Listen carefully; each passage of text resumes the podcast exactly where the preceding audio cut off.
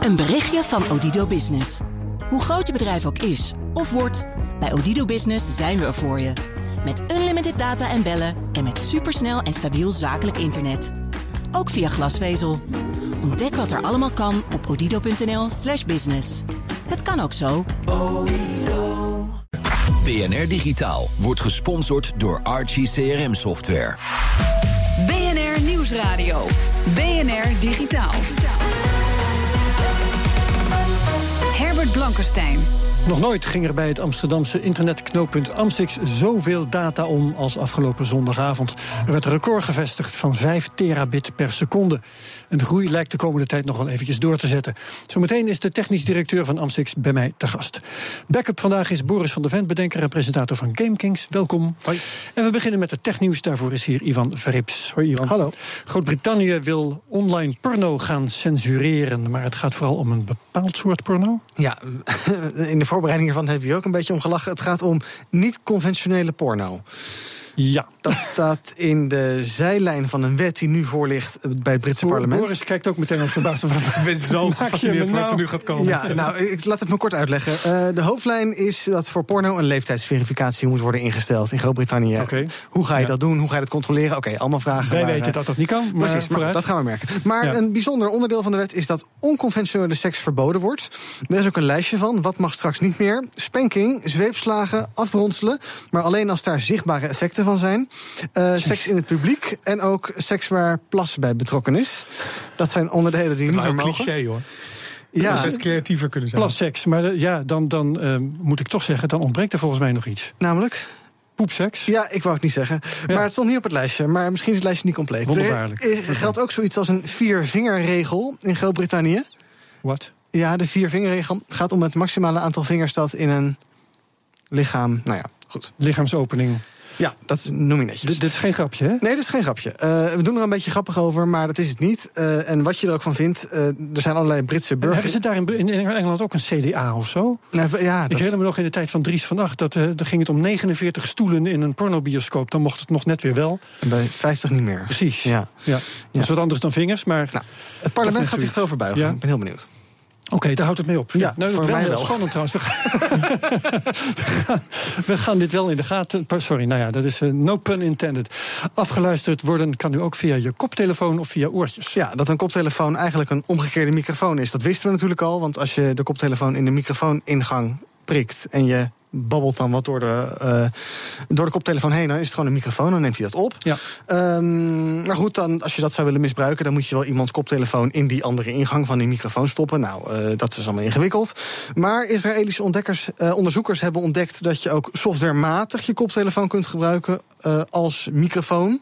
Dus dan zet je, zet je ook de koptelefoon-ingang in zijn achteruit. Als het Exact, ware. precies. Wow, dus je geeft ja. in de software aan, dit is eigenlijk toch geen uitgang, maar een ingang. En dan wordt je koptelefoon als microfoon gebruikt. En dan is dus alles te horen wat jij thuis zegt.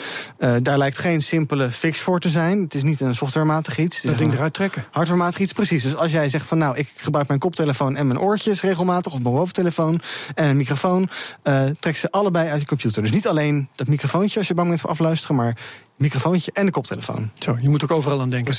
Een aantal klanten van datacenter Interconnect is boos.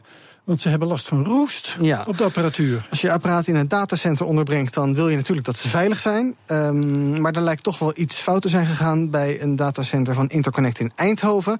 Daar hebben mensen ehm, die dus eh, hardware daar hebben, die hebben inderdaad last van roest op hun apparaten. Nou, dat is eh, niet door water gekomen, want bij roest denk ik gelijk aan water. Maar dat heeft te maken met fijnstof die er in de lucht zat. En dat Oh. schijnt bij eh, hardware in datacenters schijnt dat wel een probleem te kunnen zijn. De klanten die hebben last van roest op hun eh, USB- en VGA-aansluitingen. Werken ze dan ook slechter? Nou, eh, het eh, eh, da- datacenter zegt van niet, Interconnect zegt zelf van niet, maar de klanten zeggen wel dat, dat er dingen zijn gebeurd die eigenlijk niet te verklaren zijn, dus die alleen maar hierdoor kunnen komen. Ehm, nou, het datacenter wil geen schadevergoeding uitkeren, ehm, want de apparatuur zou niet hebben gedysfunctioneerd, maar goed, dat wordt dus in twijfel getrokken. En de kous is nog niet helemaal af, want er zijn ondernemers die overwegen om naar de rechter te stappen, maar dat willen ze wel gezamenlijk doen nog. Kansen voor een textileerbedrijf, Ja, lijkt mij. ja, goed idee. Dankjewel, Ivan. Gaan we doen. BNR Nieuwsradio. BNR Digitaal. Een nieuwe mijlpaal voor het Amsterdamse internetknooppunt Amsix. Meer dan 5 terabit per seconde gingen daar afgelopen zondagavond om. En deze Amsterdamse achterkant van het internet groeit ook als het gaat om capaciteit en eh, in termen van aangesloten netwerken. De gast is Henk Steenman, technisch directeur van Amsix. Hartelijk welkom. Dankjewel. 5 terabit per seconde op zondagavond om half negen. Is het, dan, is het dan altijd piekuur bij jullie? Dat is al jarenlang. Kom even dichter bij de microfoon. Dat is al jarenlang uh, de piektijd. Echt, echt al zeker tien jaar of zo. Uh, zondagavond, maandagavond, tussen half negen en half tien. En waarom is dat? Ja, uh, goede vraag. eerlijk gezegd weten we het niet. Maar ja. als ik naar mezelf kijk, is dat uh, ook een tijd dat ik vaak achter de computer zit. Of een ja, serie ja. op Netflix zit te kijken. Of... Dat is waarschijnlijk een belangrijke factor. Dat is een belangrijke factor. Maar zoals ik zeg, tien jaar geleden was dit ook al zo. En uh, toen hadden we nog geen Netflix. En, uh, Boris de van der Ven, is, is half acht, nee, half negen zondagavond... is dat piektijd wat gaming betreft misschien? Absoluut. Het is de tijd waarop iedereen klaar is met eten en iets gaat doen. En het interessante is dat je aan de ene kant zie je dat mensen meer gaan gamen... meer online video gaan kijken. En aan de andere kant, het reguliere tv kijken, dat neemt natuurlijk af. Ook hard ook. En dat wordt uh, ja, direct opgevangen door iets anders. En of dat nou game is of online video kijken, ik kan me voorstellen dat het via jullie loopt. Ja, de kans is vrij groot. Ja. Ja, wow. hey, Henk Steeman, um, leg eens uit wat jullie doen. Want jullie zijn een internetknooppunt. Jullie genereren zelf geen data, toch? Nee, dat klopt. Wij zijn, uh, zijn alleen maar een rotonde bij wijze Ja, we zijn een soort rotonde. Ja. je kunt ons, uh, uh, wat wij doen is, we pakken verkeer aan van de ene service provider en verschepen dat naar de andere service provider. We hebben op dit moment zo'n 820 service providers aangesloten. En daarmee moet je denken aan partijen als Ziggo of UPC of KPN, maar ook Google, Facebook, uh, Akamai. Partijen zijn op onze infrastructuur aangesloten. En die gebruiken onze infrastructuur om die datastromen van hunzelf naar de eindgebruiker te sturen. En, en waarom is dat handig? Want ik kan me ook best voorstellen dat uh, Facebook uh, een lijntje heeft lopen naar Akamai en Google naar Microsoft enzovoort. Waarom uh, is er een knooppunt nodig eigenlijk? Nou, het is een schaling-issue. Hè? Als je okay. 800 partijen bij elkaar zet, dan kun je natuurlijk naar alle 800 een draadje trekken is ook een manier om dit te doen. Als je een gezamenlijk platform hebt waarbij je met één aansluiting al die andere partijen kunt bereiken. Ja. Dan is dat natuurlijk veel efficiënter. Dan heb je genoeg aan 800 draadjes in plaats van 800 in het kwadraat wat je anders nodig exact, zou hebben. Ja, ja, dat begrijp ik. Um, 800 partijen dus. Uh, hoe is dat vormgegeven? Jullie zijn een vereniging, hè? Ja, geen bedrijf, zijn, geen commercieel bedrijf. Dat klopt. We zijn uh, eind jaren 90 opgericht als een vereniging. Er waren in de tijd 20 service providers. In, uh, er waren er wat meer in Nederland. 20 hebben samen die vereniging Amsterdam Internet Exchange opgericht. Met als doel een stukje infrastructuur in de lucht te houden. Waarbij ze de onderling dat verkeer konden uitwisselen. In plaats van dat ze dat moesten doen via een zogenaamde transit provider. die het misschien via de Verenigde Staten stuurde. Naar een was andere dat, was partij dat in Nederland. Een, een gedachte dat via de Verenigde Staten ja, misschien dat, dat ging, was? Want de grote internet service providers zaten natuurlijk al in de Verenigde Staten. Ja. Zeker met een grote wereldwijde dekking. Ik weet wel dat ik toen nog leerde uh, dat uh, een mailtje dat je naar je buurman stuurde, dat dat best wel eens via de Verenigde Staten ja, kon dat gaan. Klopt. En, dat is en, dankzij jullie verleden tijd. Dat was dankzij ons verleden tijd. Die partijen sloten aan in Amsterdam op de exchange en stuurden onderling dat verkeer uh, in Amsterdam heen en weer. Wist jij dit allemaal, Boris? Nou, ik heb me daar ooit heel erg in verdiept, omdat ik juist bezig ben met online video. Ik bedoel, GameKings ja. doet alleen maar online video. En wij zaten ooit bij een hosting provider die inderdaad via Amerika die video's verstuurde. En dat betekent dat je hier dus echt heel veel lag had bij het kijken van die video's. Vertraging. Toen gingen we naar een partij die inderdaad bij jullie zat. En toen merkte je dat dat wegviel, omdat veel van de gebruikers ook uh, via AMSX uh, hun internet uh, betrekken. Ja. Ik vind het ook interessant dat je als je kijkt naar gaming, dat je ziet dat grote partijen naar Nederland komen, juist omdat we zo'n efficiënt bekabeld land zijn. Merken jullie dat ook? Ja, dat klopt. De laatste paar jaren zijn uh, gamingpartijen uh, ook naar, uh, naar Amsterdam gekomen en op Amsterdam aangesloten. Ook om die delay in de, in de performance te verbeteren naar de eindgebruikers toe. Ja, ja ik weet dat Microsoft en uh, Google ook trouwens. Ja, maar Sony. Ook, uh, ja, Sony, ja. alle grote serversparken uh, zitten eigenlijk als het om gaming gaat, ook in Nederland. Ja. We hebben gaming genoemd, we hebben online video genoemd. Is de trek naar mobiel voor jullie een factor? Ja, of maakt hebben... dat juist het dataverkeer minder, wat ik me ook kan voorstellen? Nee, de mobiel gebruikt natuurlijk ook, ook veel data. Hè, en ook op mobiel gebruik je steeds meer video en dat soort dingen. Maar die dus... kleine apparaatjes zijn vaak toch wat zuiniger, al was het maar omdat het dataverkeer duur is. Dat klopt. Dat, dat of ik dat zie, weet ik niet. Want de groei, zoals ik zei, is al jaren hetzelfde: 25, 30 procent. Uh, maar je ziet natuurlijk wel heel veel uh, uh, meer verkeer naar de mobiele providers ja. toe gaan. Dat zien we ook. We hebben een grote groep mobiele providers op het platform aangesloten. En we zien daar duidelijk groei in. En moeten jullie nou met al die groei veel investeren in steeds ja. weer nieuwe apparatuur?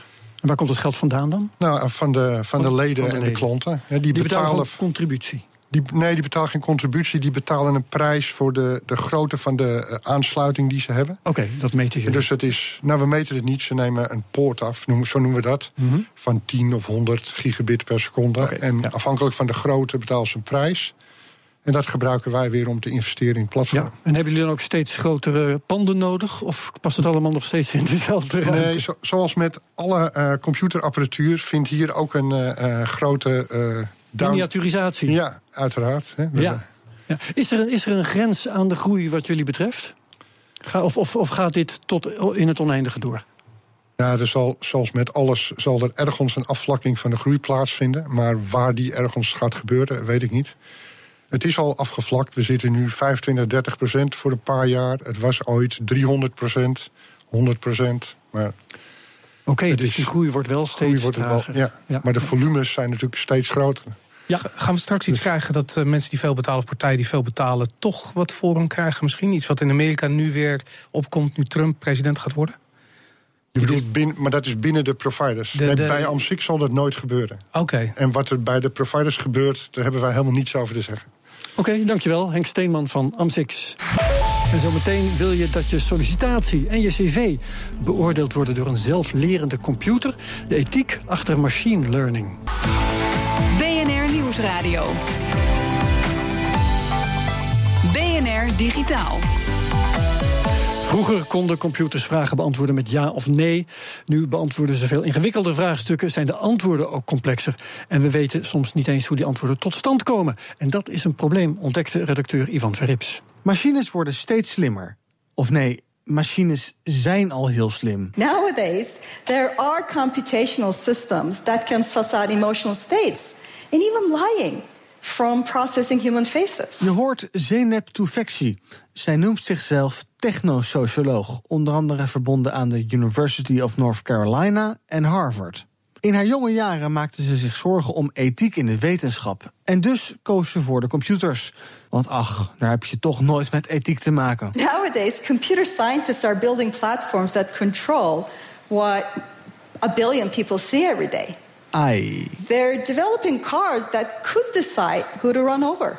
It's ethics all the way down. We laten machines beslissingen maken. Vragen waar een ja of een nee op komt maar ook nieuwe soorten beslissingen. Subjectieve beslissingen. Recently, in the past decade, complex algorithms have made great strides. Volgens Tufekci staan we op een keerpunt in de geschiedenis. De motivatie van dit soort beslissingen is namelijk niet meer te doorgronden. Computers zijn dingen zelf gaan bepalen. They can decipher handwriting. They can detect credit card fraud and block spam. And they can translate between languages. They can detect tumors and medical imaging. En daar komt machine learning weer om de hoek kijken.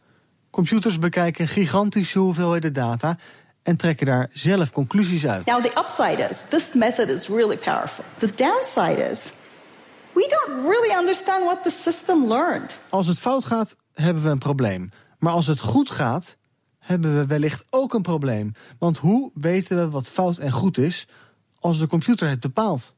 Denk bijvoorbeeld aan een machine die gaat over je personeelsbeleid. Wie moet je aannemen en wie niet? Such a system may even be less biased than human managers in some ways. But it could also lead to a steady but stealthy shutting out of the job market of people with higher risk of depression. Such hidden biases in black box algorithms that researchers uncover sometimes, but sometimes we don't know, can have life altering consequences. Machine intelligence can fail in ways that don't fit error patterns of humans, in ways we won't expect and be prepared for. Mensen maken fouten. Daar kan je naar vragen. Die kan je boven water halen. Als computers dat soort fouten gaan maken, hebben we een veel groter probleem. We cannot outsource our responsibilities to machines. We need to cultivate algorithm suspicion, scrutiny, and investigation. we need to make sure we have algorithmic accountability, auditing, and meaningful transparency. En dus is de conclusie. Yes, we can and we should use computation to help us make better decisions. But we have to own up to our moral responsibility to judgment and use algorithms within that framework, not as a means to abdicate and outsource our responsibilities to one another as human to human. Machine intelligence is here. That means we must hold on ever tighter to human values and human ethics. Thank you. De hele TED-talk van Zeynep Tufekci duurt ongeveer een kwartier. En die kan je bekijken op bnr.nl slash digitaal. BNR Nieuwsradio. BNR Digitaal.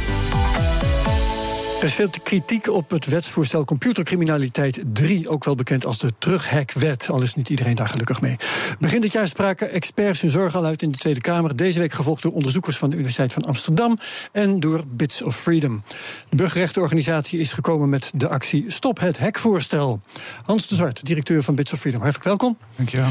Het gaat om een wetsvoorstel van staatssecretaris Dijkhoff. Die wil politie en justitie heimelijk laten inbreken op computers van mensen die verdacht worden van een ernstig misdrijf misdrijf of daarmee in verband worden gebracht. Wat is daar eigenlijk tegen? Uh, het probleem is dat hij. Um, dat hij wil dat de politie kan inwerken, niet alleen op computers, maar eigenlijk op alles waar een computertje in zit. En geautomatiseerd werk heet dat in de wet. Geautomatiseerd werk, dus een auto, een telefoon, een pacemaker, het maakt eigenlijk in feite niet uit. En um, wij denken, en we zijn van mening, dat het uh, de achterdeurtjes die in onze apparaat zitten wagenwijd open laat staan voor criminelen die daar ook misbruik van kunnen maken. Want de politie kan alleen maar inbreken op het moment dat er een zwakheid zit in dat apparaat. Ze moeten ergens moet het apparaat onveilig zijn. Ja, dat is niet helemaal waar. Het kan ook via een, een phishing mail of iets dergelijks. Ja, dat zou, dat, zou, dat zou kunnen. Maar deze bevoegdheid ziet erop toe dat ze echt ook via kwetsbaarheden in mogen breken. En dat is voor ons het grootste probleem. Dus je wil niet dat de politie in plaats van dat ze tegen de maker van zo'n apparaat zeggen: hé, hey, er zit een kwetsbaarheid in jullie apparaat, ga het eens even zo snel mogelijk voor de hele wereld repareren. Uh, uh, wil je niet dat zij de incentive hebben, dus. Uh, uh, om die kwetsbaarheid zelf te houden, zodat ze daarmee achter criminelen aan kunnen gaan. Ik wil er straks op terugkomen, maar in de eerste plaats nu. Uh, Dijkhoff heeft uh, in waarborgen voorzien. Mm -hmm. inbreken mag alleen met machtiging van een rechtercommissaris. Ja. moet getoetst worden door het Openbaar Ministerie. Is dat niet genoeg? Nee, dat denken we eigenlijk niet. Je, je ziet dat het toezicht eigenlijk niet onafhankelijk genoeg is. Dus het Openbaar Ministerie heeft er uh, vaak belang bij de opsporing. Dus dat is niet per se de, de, juiste partij om dat te doen. En wat je heel erg ziet is dat je een politie mist op dit moment een echt onafhankelijke toezichthouder die vooraf, maar ook vooral tijdens het proces goed in de gaten houdt of, of uh, de politie zich houdt of binnen de bevoegdheden blijft die ze hebben. Maar los daarvan nog, zelfs als het toezicht heel goed zou zijn, vinden we het gewoon een bijzonder slecht idee om de politie de mogelijkheid te geven om te hacken. Is, het, is het niet een soort van argument wat ze gebruiken om informatie die ze vanuit het buitenland krijgen ook te gebruiken in de rechtszaal? Want ik weet niet hoe goed de Nederlandse politie is, maar ik weet wel dat de Amerikanen en de Engelsen en, uh, die hebben uh, over het algemeen veel meer informatie ook van ons internet gebruiken. Dat zou kunnen, dat weet ik niet zeker. Ik denk dat, dat, er op het moment dat ze die bevoegdheid hebben, dat we ook in Nederland echt wel de capaciteit zouden gaan krijgen. Dat zullen dan speciale ambtenaren zijn die die, die, bevoegdheid gaan inzetten. En dat zullen technisch zeer begaafde mensen zijn. Dus we willen dit echt zelf gaan doen. Um, en ik denk dat je daarmee, zeg maar, voor de veiligheid van uh, een aantal individuen, de veiligheid van ons allemaal een beetje ter gelde ja, gooit. Dat verhaal van die, van die achterdeurtjes, um, dat, uh, dat we brengen jullie ook over via Stop het Hekvoorstel. Klopt. Dat is die actie en mensen kunnen dan uh, hun Kamerleden aanschrijven en zo via ja. een pagina die, pagina die jullie daarvoor hebben ingericht. Um, maar ik heb eens even gekeken in, um, in de wetstekst van die computercriminaliteit 3. Daar komt het gebruik van achterdeurtjes zo komt daar niet in voor. Het gaat alleen over binnendringen in een geautomatiseerd werk, wat we net al zeiden. Maar niet over de manier waarop. Dat heeft Dijkhoff in een brief aan de Tweede Kamer gezet. Dus eigenlijk zijn jullie meer tegen die brief, als ik het zo bekijk, dan tegen die wet zelf. Nou ja, we, we zijn, we zijn er tegen dat die wet dat onvoldoende inperkt. En die brief die hoort op een bepaalde manier bij de wet. De, de Kamer heeft ook lang gewacht om dit te gaan bespreken, omdat ze wachten op die brief van Dijkhoff over die achterdeurtjes. Ja. En wat je ziet dus nu dat ook in deze brief. Um, ze, ze eigenlijk vrij helder zijn in dat ze nog steeds uh, die kwetsbaarheden of die achterdeurtjes willen gaan inzetten. Ja. En wij weten gewoon dat zo'n achterdeurtje nooit alleen door de politie uh, gebruikt wordt, maar natuurlijk ook door andere mensen, criminelen, nee. Dat, dat bestrijd ik ook niet hoor. Maar stel nou dat Dijkhoff die brief zou intrekken en zeggen van uh, die wet die handhaaf ik. Maar ik vind uh, bij nader inzien dat er geen achterdeurtjes mogen gebruikt worden. Dus geen achterdeurtjes in cryptografie, wat met communicatie te maken heeft. Of achterdeurtjes in de zin van lekken in Windows of iets dergelijks, wat dus echt inbreken is. Mhm. als, hij, als hij die brief zou intrekken en daar iets anders voor doen, zijn jullie dan niet meer tegen die wet? Dan zijn we een stuk, dan zouden we heel erg blij zijn als dat zou lukken, inderdaad. Omdat we dan een stuk dichterbij zijn waar we willen zijn. Natuurlijk moet de politie goed kunnen opsporen. Maar uh, je wil niet dat de politie er opeens belang bij heeft bij een onveilige situatie. En dat, ik denk dat daar voor ons echt de essentie ligt. Plus dat je daarnaast zijn er op allerlei soort van deelpunten in die wet, vooral met, rondom het toezicht, nog wel echt een hoop andere dingen te verbeteren ook. Ja, jullie willen een, een soort uh, toezichthouder dus. Hè? Wat voor vorm zou dat moeten krijgen? Hoe stel je je dat voor? Nou ja, uh, we zouden daar voor een gedeelte wel aansluiten, denk ik, bij wat die onderzoekers van de Universiteit van Amsterdam hebben gezegd. Dus de, um, vanuit de mensenrechtenverdragen zijn er een aantal ideeën over hoe je dat zou moeten doen. En het belangrijkste daarvoor is dat het echt onafhankelijk zou moeten zijn. Um, en dat, dat die onafhankelijkheid gewaarborgd is. Dat er toezicht uh, op alle fasen van het proces is. Dus niet alleen maar vooraf van mag het. En dan gaan ze maar aan de slag en dan zien we wat er gebeurt. Maar ook tijdens dat je dat heel goed controleert. Ja. En dat het bijzonder transparant moet zijn. Dus we moeten soort van heel helder uh, weten hoe vaak die dingen worden ingezet, op wat voor manier. Zal de politie zeggen, we kunnen niet de hele tijd pottenkijkers hebben. Dan kun je je recherchewerk niet doen. Ja, ja dat, dat zullen ze inderdaad zeggen. Maar ik denk dat het heel belangrijk is dat je uh, als burger weet wat de politie kan doen en aan het doen is. Uh, omdat anders uh, de kans tot misbruik ernstig groot is. Ja. Werken jullie ook samen met buitenlandse partijen? Want ik kan me voorstellen dat tegenwoordig die servers staan in het buitenland. De producten komen uit het buitenland. Nederland is eigenlijk nog maar een kleine schakel in het uh, totale uh, spectrum van, van apparatuur wat je gebruikt. Ja, dus dat, dat, dat wordt bijvoorbeeld in dat kwetsbaarheden stuk helemaal niet geadresseerd. Dus dat mocht de politie dit mag gebruiken, dat de kans vrij groot is dat ze bijvoorbeeld een Israëlisch product kopen. waarmee uh, uh, die je kan in, waar je een iPhone kan inpluggen en die iPhone dan in één keer kan uitlezen. En zo'n Israëlisch product, daar zit zeg maar een exploit noemen ze dat in. Daar zit iets in wat zo'n iPhone kan, uh, kan hacken. een ding dat, dat er ja, misbruikt. Maar dat, maar dat zie je vervolgens helemaal niet. De politie denkt gewoon dat ze een apparaatje kopen. Dus, dus daar. Heb je kans dat Israël ook meekijkt? Dat is eigenlijk wat je bedoelt. Nou, die, nou ja, wat ik, die kans is er, maar dat bedoel ik niet. Wat ik vooral bedoel is dat er geen beleid is um, over uh, hoe schaffen we dit soort dingen aan en mag het wel of niet. Oké, bedankt voor deze toelichting op de wet computercriminaliteit 3.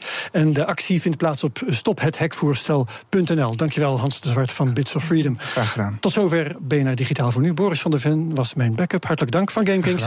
En de uitzending terugluisteren kan via de BNR-app en bnr.nl slash digitaal. Graag tot volgende week. BNR Digitaal wordt gesponsord door Archie CRM Software. Een berichtje van Odido Business. Hoe groot je bedrijf ook is of wordt... Bij Odido Business zijn we er voor je. Met unlimited data en bellen en met supersnel en stabiel zakelijk internet. Ook via glasvezel. Ontdek wat er allemaal kan op odido.nl/slash business. Het kan ook zo.